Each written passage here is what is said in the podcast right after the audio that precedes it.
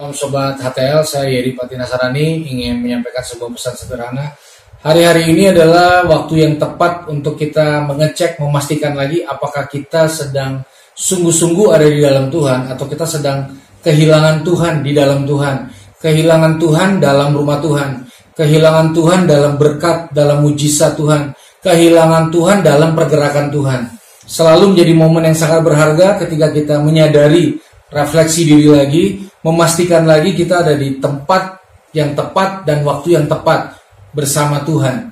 Jadi sekali lagi ini momen yang baik sama-sama kita saling mengkoreksi diri kita untuk memastikan supaya kita ada di dalam Dia dan kita tidak kehilangan Dia.